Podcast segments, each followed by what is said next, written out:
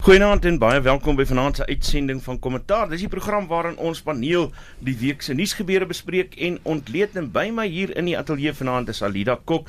Sy's 'n rubriekskrywer by Netwerk 24 en ook politieke ontleder by Akademia Goeienaand Alida.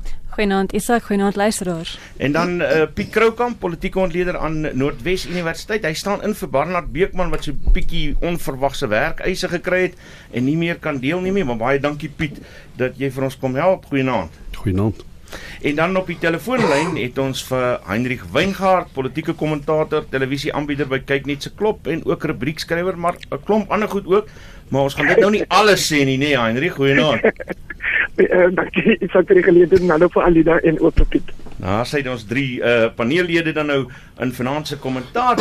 Nou die woelinge in die DA, die die week se nuus nogal oorheers en tot 'n baie groot mate oorheers om dit nou nie eufemisties te stel nie en ons sal grootliks daarop fokus vanaand, maar ek dink tog die grootste nuus is die Springbokke wat hier is na die Wêreldbeker finaal. Heinrich Ag heerlik Piet.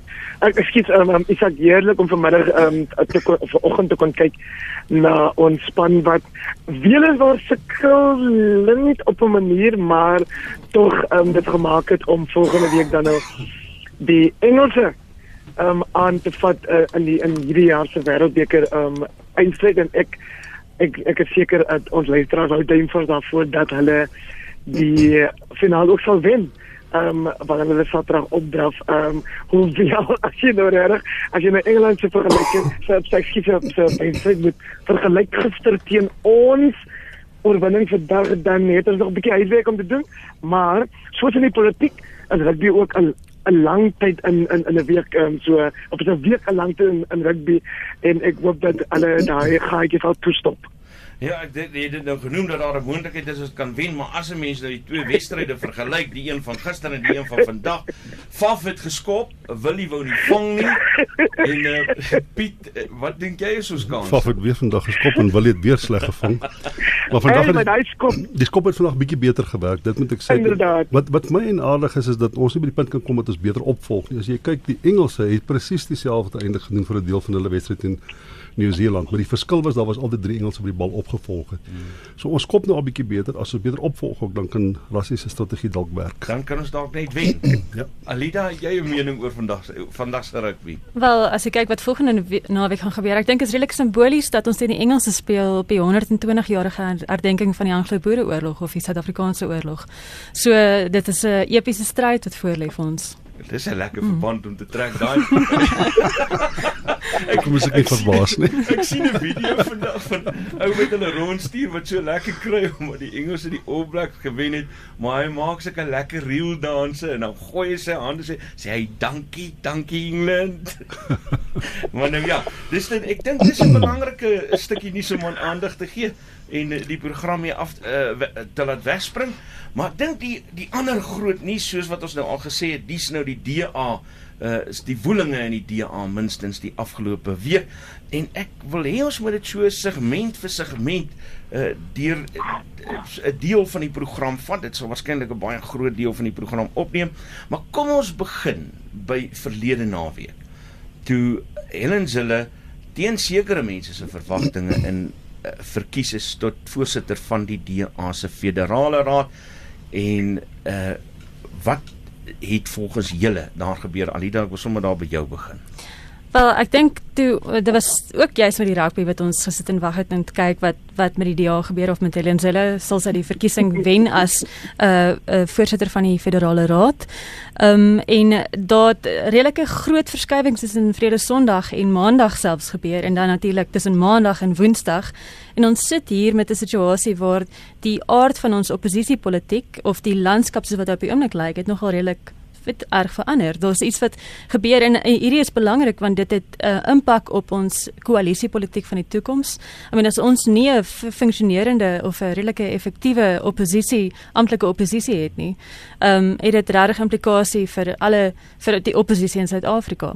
En as soos ek noem ook ehm um, ons um, koalisiepolitiek. Ek dink mense moet besef dat dis 'n ding wat uitspeel hier ook dat Ehm um, en dit kom uit in die Sondagkoerante vandag ook dat uh dat die dat die raskaart gespeel word deur sekere politieke rolspelers onder andere deur Musi Maimane want as jy gaan kyk wat gebeur het daar's iets daar's werklike foutlyne gewees in die DA voor hierdie verwikkelinge plaasgevind het. Ehm um, die DA het ehm um, in die 2016 munisipale verkiesing uitstekend gedoen en ons praat nou van die DA se kreeftegang van 2016 af tot nou mm. waar hulle kan selfs kan daal na na 12% steun weet van bo van bo 30% na 'n situasie waar hulle ehm um, tussen 2016 en 2019 ehm um, ja as jy gaan kyk na die statistiek as ek dit vinnig kan opnoem want dit is baie interessant.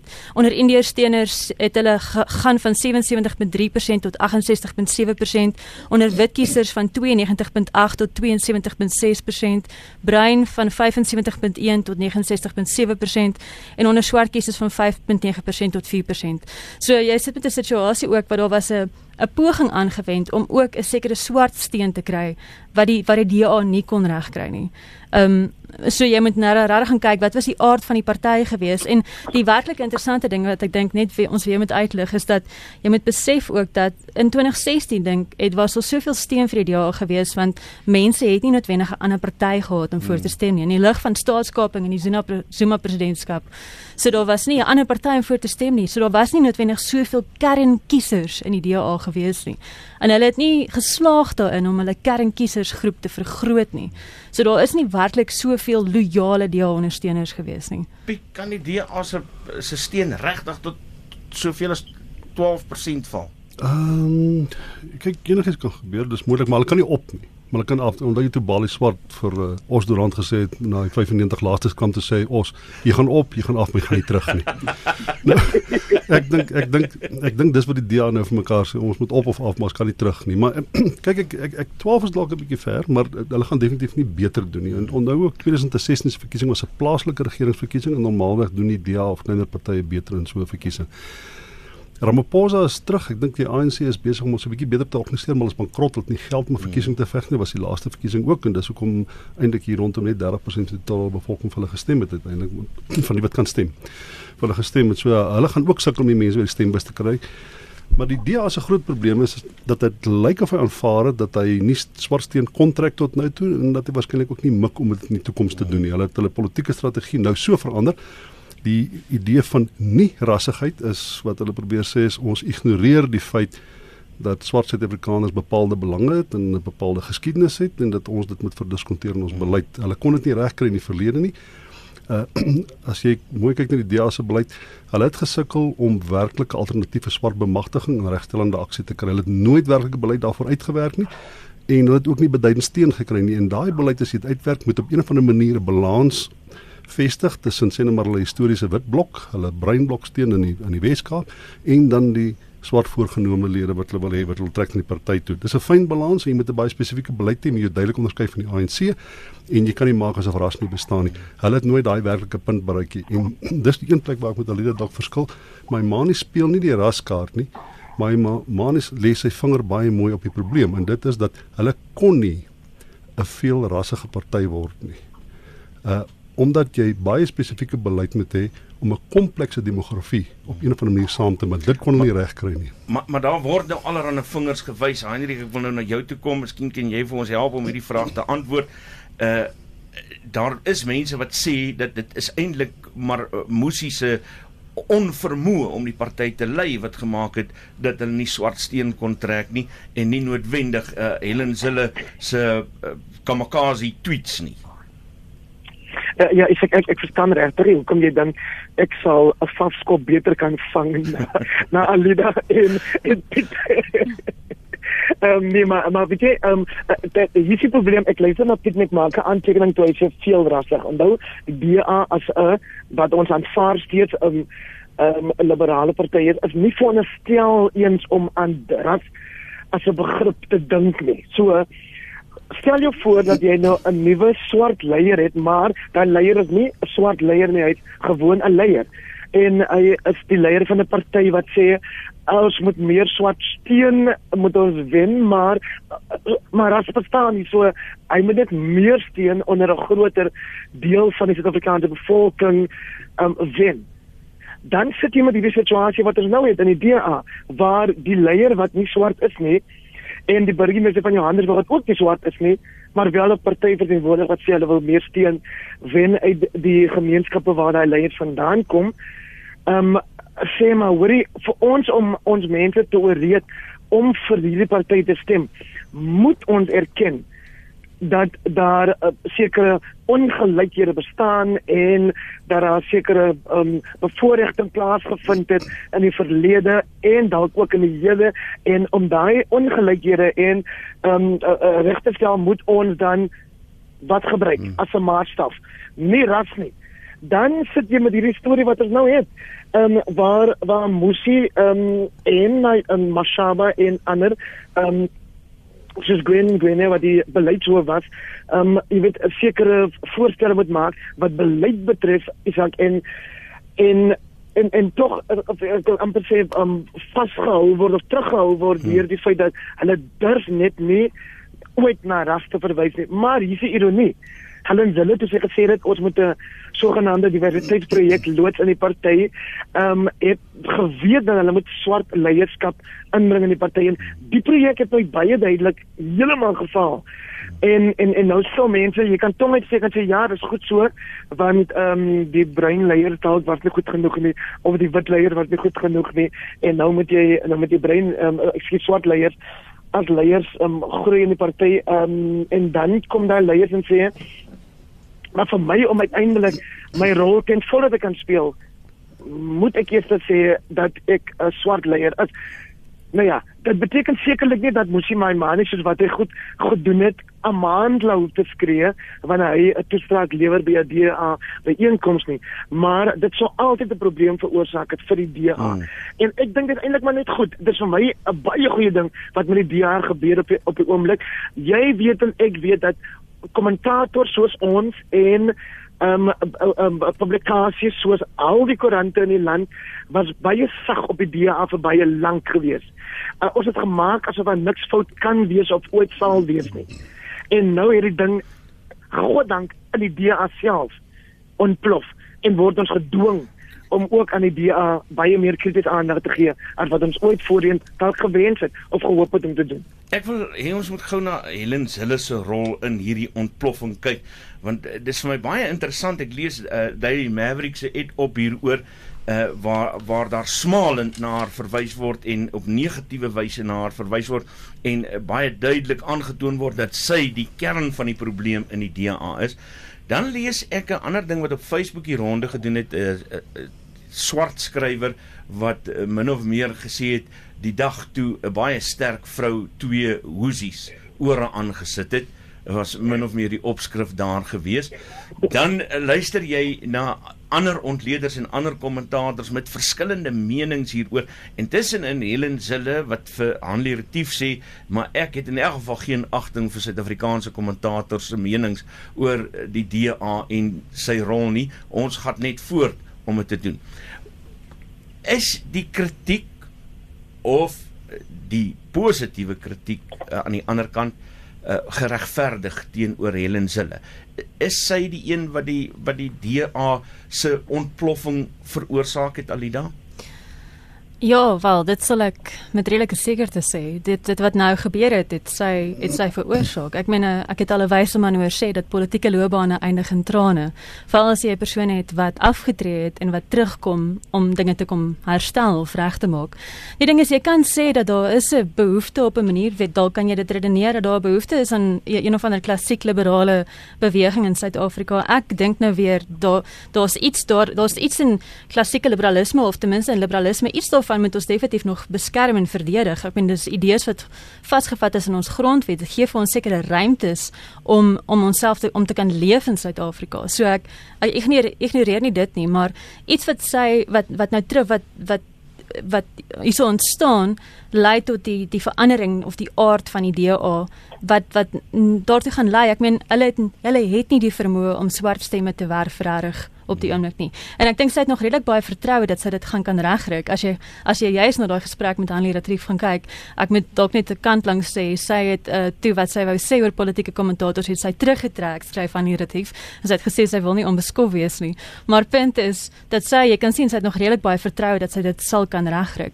Ek meen maar dan moet ons nou mooi gaan kyk wat gebeur met ons politi politieke spektrum in Suid-Afrika.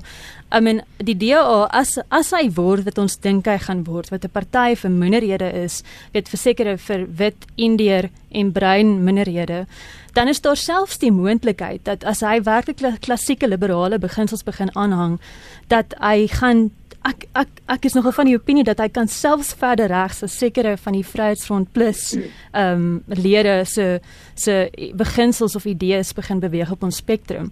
So ek meen uh, Theo Venter het nou kommentaar gelewer byvoorbeeld dat die DA soos wat of uh, dat daar 'n tipe van 'n doodsakker tussen die ANC en die DA is waar 'n moontlike nuwe party kan inbeweeg, maar ons gaan later daarby uitkom. Maar die DA is besig om iets te word wat wat moontlik heeltemal 'n ander aard kan inneem.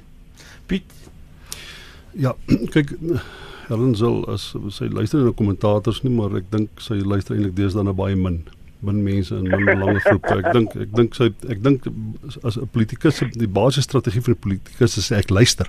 Nie ek luister nie, ek luister.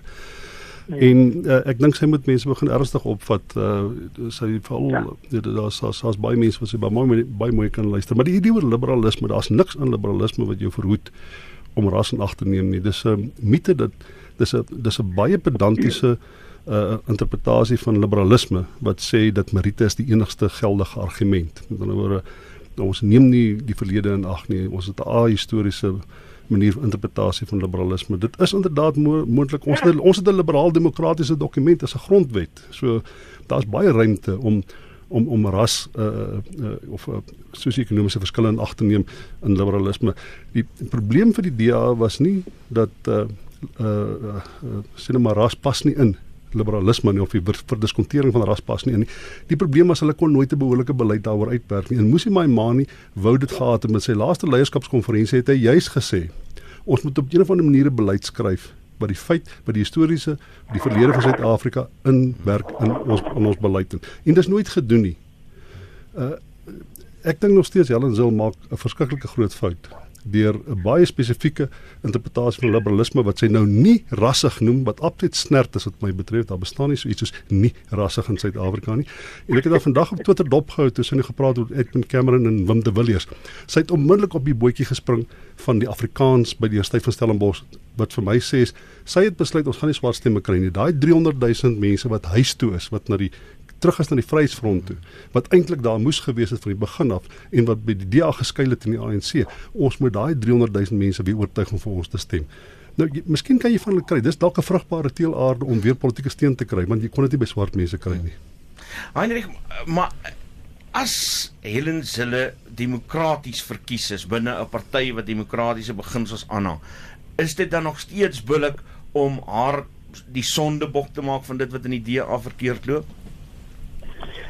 Ehm um, ek sê as Helen hulle nie voorheen die oorsaak was van wat nou verkeerd gaan in die DA nie, dan as hy besluit nou die oorsaak van wat na daai paneel se verslag verkeerd gegaan het. So ek dink hulle moet dalk daaraan dink en ek ek sê dit nou self tong en ek kies om 'n nuwe paneel aan te stel wat 'n ondersoek aanstel instel oor wat die uitwerking daarvan is, ehm um, dat hulle hulle verkies het as voorsitter van die uh, federale raad of of eh, 'n uh, nuwe ja 'n nuwe voorsitter van die federale raad op die DA as 'n party want nadat sy vir ons almal gesê het sy wil die DA red dis hoekom sy haarself verkiesbaar gestel het lyk dit dan nou asof dinge heeltemal uitmekaar het ge, um, geval het nadat sy wel verkies is verlede naweek. Ehm um, so ek sê dit met tong in die kit maar weet jy want as jy kyk na wat die afgelope week gebeur het dan dan dan moet dit jou as DA leierskap tog laat wonder oor hoe goed dit vir die party is dat Helen Dille haar terugkeer gemaak het. Die wêreld oor in Piet en Alida sal hier baie beter kan vertel as ek. Ehm um, as daar ek wil ek dink so wat kyk na na een kama in in Botswana wat ook gedink het hy kan sy beheer oor die politiek in die land behou die afgelope week. Ehm um, en daarin misluk um, um, natuurlik um, um, gefaal het. Toe hy probeer het om sy vorige invloed te probeer behou deur vir die nuwe uh, oppositie in in Botswana te probeer um, stem en steun te werk. So Helen Dillon moet eintlik na die week se gebeure vir haarself vra. As dit goed vir die DA dat sy aanbly in daai posisie of moet sy eerder maar um, een kant staan of moet sy eintlik hmm. maar in die agtergrond 'n rol gespeel het eerder as om 'n prominente rol soos voorsitter van die federale raad um, te probeer wees. Um, um, as jy vir my vra dan is my gevoel na wat ons hierdie week gesien het dalk moet sy dit nie gedoen het nie maar ek sê weer wat ek vroeër probeer sê het en dit is dat die groot verloor dit is Helen Zille hoewel sy haarself voorgee as die groot leier of die groot redder ja. van die DA. Um en ek bedoel ons het gepraat van wat sy op sosiale media doen. Dit is vir my regtig langswekkend dat sy die afgelope week gesê het die die DA se ondersteuning moet nie steun aan wat op sosiale media gebeur nie want dit dit is reëel. Kom ons Nou goed. Kom ons vra oor wie ehm um, deel is in die oorsaak daarvan. Kom ons beweeg gou na die ander deel van die DA toe wat nou nie Ellen Zille is nie. Ons weet nou van Musi en Ethel se bedanking, hom en Mashaba se bedanking, Musi se tweede bedanking, uh maar kan ons 'n oomblik stil staan by die mense wat nie bedank het nie want ek dink daar is ook 'n belangrike boodskap in het sy na die een of die ander kant toe Piet Ek dink eh, 'n deel van die probleem vir 'n politikus en dit is maar 'n kenmerk van politici wêreldwyd en dit is dat hulle het geen ander vaardighede nie. As hulle daai werkie verloor, te groot moeilikheid. Stel jouself voor, Moses Maimane se hele lewe lank uit of gepreek of hy was 'n politikus. Wat gaan maak hy nou? En dit geld vir 'n nuwe politieke party. Dis 'n nuwe politieke party. Jy is 100% reg. Dit is al politieke ruimte wat vir hom oor is. Herman Mashaba. Ek weet nie of Herman energie het van vir, vir weer 'n poging met die politiek nie. Maar ek dink hulle kan net ander politieke partye begin. Hulle het nie werk nie. Nou die mense wat nog in die binne in die binnekant sit en ek uh, praat byvoorbeeld van Pumzile. Ek bedoel ek is geen twyfel daaroor dat sy so ongemaklik binne in die DA is wat 'n mens kan wees nie. Maar wat doen jy as jy daar uitstap? Lindiwe Masibuko was 'n was 'n tipe van intellektueel geweest. Sy is reg uit Harvard toe. Dit is moontlik sy kon na akademiese studies voortsit. Uh Herman Mashaba kan terug aan die sakewêreld toe. Hy's 'n ryk man. Hy het nie politiek nodig nie. Maar daar sit baie mense daar binne wat presies voel wat voel dat drie wit mans kom. Hulle skryf 'n verslag wat 'n klomp swart mense hulle werk kos binne in die party en hulle gee vir jou die opsie van vier wit mense waar jy kan kies vir nuwe partyleiers. I mean really. Is dit nou wat is die kans dat daar 'n smorgasbord van swart mense binne in daai party sit en dink ons is heeltemal tevrede met ja, wat die aangaan? En echt en echt echt trollop. Echt trollop het genoem. Ja, goed gekeer het. Sivie Heinrich?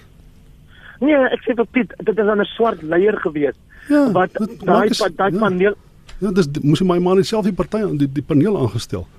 Ja. Maar dit dit maak die saak dis drie wit mans wat besluit geneem het en die keuse was tussen drie wit mans en 'n 'n 'n wit vrou gewees daarna. Ek wat sê dit iets vir jou van die DA of sê dit vir iets van die DA nie? Sê dit vir iets hoe swart mense of hulle tuis voel binne die party of hulle nie tuis voel binne die party nie? Sê dit vir jou iets van die DA? Wel, ek sal tweeledig wil reageer op dit. Ek dink daar's iets, ek weet nie uh, of luisteraars gesien het nie. Stephen Friedman het nou 'n artikel hierdie week geskryf in The Conversation waar hy gepraat het oor imposter syndroom en dat moesie my man nie sy posisie verloor het jy is omdat hy 'n swart man is en hy het imposter syndroom in die konteks van 'n uh, dominante wit wit party of daar's daar's iewers waar hierdie ding uh, ons as Suid-Afrikaners kry ons hierdie ding nie reg nie. Dit is asof ons ons stry nog steeds op morele basis uh, gebaseer op wat die, hoe ons hierdie ding moet benader, maar ons weet nie noodwendig om dit op te los nie. En dan saam met dit wil ek byvoeg dat ons moet kyk na die Mei uh, 2019 verkiesingsuitslae. Wat gebeur in ons verkiesings of ons uitslae op die oomblik? Ons is besig om streekspartye of streekspolitiese partye is besig om sterker rolle te begin. Wel, nie sterker rolle te begin speel nie, maar as jy gaan kyk na byvoorbeeld 'n party soos die IFP, gaan kyk na 'n party soos Good in die Kaap, gaan kyk na die Vryheidsfront Plus weet in die noorde van die land dat ons het politieke partye wat streeksgebonde presteer en wat nie noodwendig daai catch-all politieke partytjie kan speel in die hele Suid-Afrika nie. Ek meen as jy gaan kyk, moes jy my man het hierdie week gesê en dis dit is die uitspraak wat hom sy uh, parlement uh, LP rol of uh, sy posisie in die parlement gekos het wat hy gesê het hy glo nie meer die DA is die voertuig om 'n een Suid-Afrika vir almal te skep nie. So dit is dit is wat hom sy sy sy plek finaal gekos het. Hulle wil hom nog op 'n manier daar gehou het. Natuurlik nie as leier van die party nie, maar ehm um, totdat hy totdat hy so met minder skade kon uittreë en oorgaan.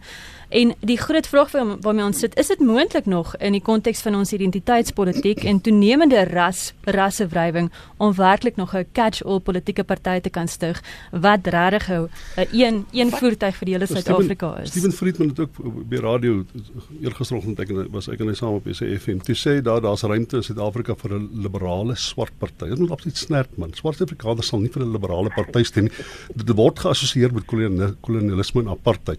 En Theo se se hierdie doodsakker metafoor. Dit klink dramaties en pragtig, maar dit is absoluut nonsens. Daar is nie 'n tipe van 'n ruimte daar binne waar ander partye hulle self probeer vestig as sosiaal-demokraties of as liberaal wat uh, in opstand teenstand is teen die DA of die ANC. Dit, uh, dit was altyd hierdie wat wat wat wat uh, wat Alida nou na verwys as streekspartye wat in daai terrein geopereer het, maar daar was nie 'n nasionale party dis die verkeerde woord, is dit nie? Daar was nie 'n party wat op wat nasionaal meegeding het wat in daai terrein probeer homself vestig het en groot word het nie.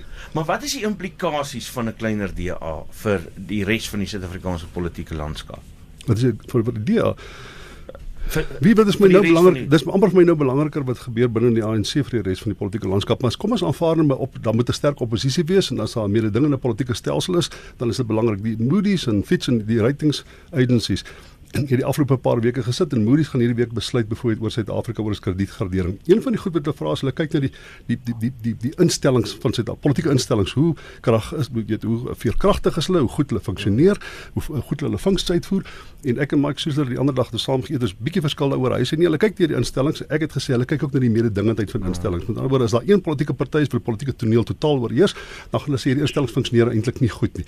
So 'n sterk DA, 'n effektiewe oppositie, 'n oppositie wat wat wat wat vir tot alle Suid-Afrikaners op 'n of ander manier 'n politieke tuiste is mos goed vir demokrasie. En ja, dit het konsekwensies vir ons. Ek kan Hendrik, ek wil sommer daar by jou eh, dit hoor dat iemand het uh, ergens in die week gesê een van die sterkpunte van die DA is die feit dat hulle dat hulle goed kan regeer daar waar hulle regeer op veral plaaslike vlak. Ehm um, en en en dat 'n ou dat dit dalk kan verloor in die proses. Wat's jou mening daaroor? Nee, nee, is ek ongetwyfeld ehm um, het die DA 'n goeie prestasie rekord waar hulle regeer. So so daaroor kan daar geen twyfel wees nie. En dit is dalk ook die rede waarom kiesers of hulle nou wit, swart of bruin is wel vir die DA stem. Ehm um, so so so kom ons veronderstel nou vir 'n oomblik dat dit tog so verskriklike krisis is soos wat ons dit klink dat die DA steen afgestaan het aan die VF+. En nou veronderstel nou maar weet nou nou die syfer genoem Piet of Alida van 170 160000 kiesers wat gestem het vir die DA. Ekskuus vir die vir die wat wat die DA verloor het aan die VF+. So kom ons veronderstel dit is waar en en en, en wat dan? beteken dit nou daar gaan daar wat is volgende daar is net soveel wit Afrikaanse kiesers wat vir die DA gestem het en waaroor die DA besorg hoef te wees as dit gaan oor die party vorentoe neem indien die DA hoop enigsins hoop om 'n groter party te raak in ons politiek dan moet hulle swart kiesers wen en Precies. en van wat die afgelope week gebeur het lyk dit asof hulle daar skade kan lei maar, meer as 160 000 um, wat hulle aan die CS plus afgestel het. Ek is een van die slimbekke wat laasweek 'n rapport geskryf het dat daar dalk 'n geleentheid hier vir die DA is om om daai daai ekskuus vir die CS plus is om daai party te wees waantoe kiesers sal loop het sê dit nou bruin of wit is as as, as jy nou ag neem dat daar brein mense in die Kaap en elders is wat vir die afstem en ook as jy ag neem dat daar sê net maar oorblyfsels van die ou NNP is wat ook vir die DA stem en wat bygedra het tot die stigting van die DA. Maar maar maar goed, wat dan daarna? Daarna moet dit swart kiesers wees. Hmm. En en en die DA moet regtig maar op van of hulle nou van ras as 'n uh, weten 'n onwetenskaplike begrip of ras as 'n uh, realiteit in Suid-Afrika is um, uh, inkoop. Moet hulle besef dat jy kan nie vir Helen Zille vandag nog hê as die gesig van die party wat is ongelukkig nou het of die of die top matriek matrikulant ehm um, um, John Steenhuisen nie. Ja, ek wil nou ek wil nou juist terwyl ter, terwyl jy nou John se naam ook sommer noem, ek wil nou gou ons moet sommer die twee Jonas se name in een gooi sodat want ek sien ons tyd raak so bietjie min uh en die en die hele ras ding. Die interessante verwikkeling is John Moody wat saam met Musi Maimani langs hom en Mashaba gesit het toe hy sy aankondiging gemaak het en uh, gesê die DA het hom teleurgestel. En daar sit John Moody saam met uh, Musi Maimani maar ewe skielik vandag is uh, daar 'n moontlikheid dat John Moody die volgende burgemeester van Johannesburg kan word, maar meer is dit. Dit lyk sommer hy gaan hy sal dit aanvaar as uh, want daar is sprake dat hy dalk in April uh, sy naam in die hoed kan gooi om as leier van die party te staan en dan uh, die ander kant van die gesig John Steenhuisen wat intussen die parlementêre leier van uh, die DA geword het. Kom ons gesels 'n bietjie daaroor Alida, ons kan sommer daar by jou begin. Ja wel, ehm um, ek dink hierdie is dit dit wys jou die die mense is daar's daar's daar's 'n element wat wel bereid is om vinnig aan te pas, om vinnig weer 'n ehm daar's daar's daar's dinge wat in plek val hier. So, ja, John Moody het ehm um, aangedui dat hy homself beskikbaar maak om as burgemeester uh, van Johannesburg Herman Mashaba se plek in te neem en dan ook leier van die van um, moontlik soos jy sê sy naam in die hoed te gooi as leier van die DA.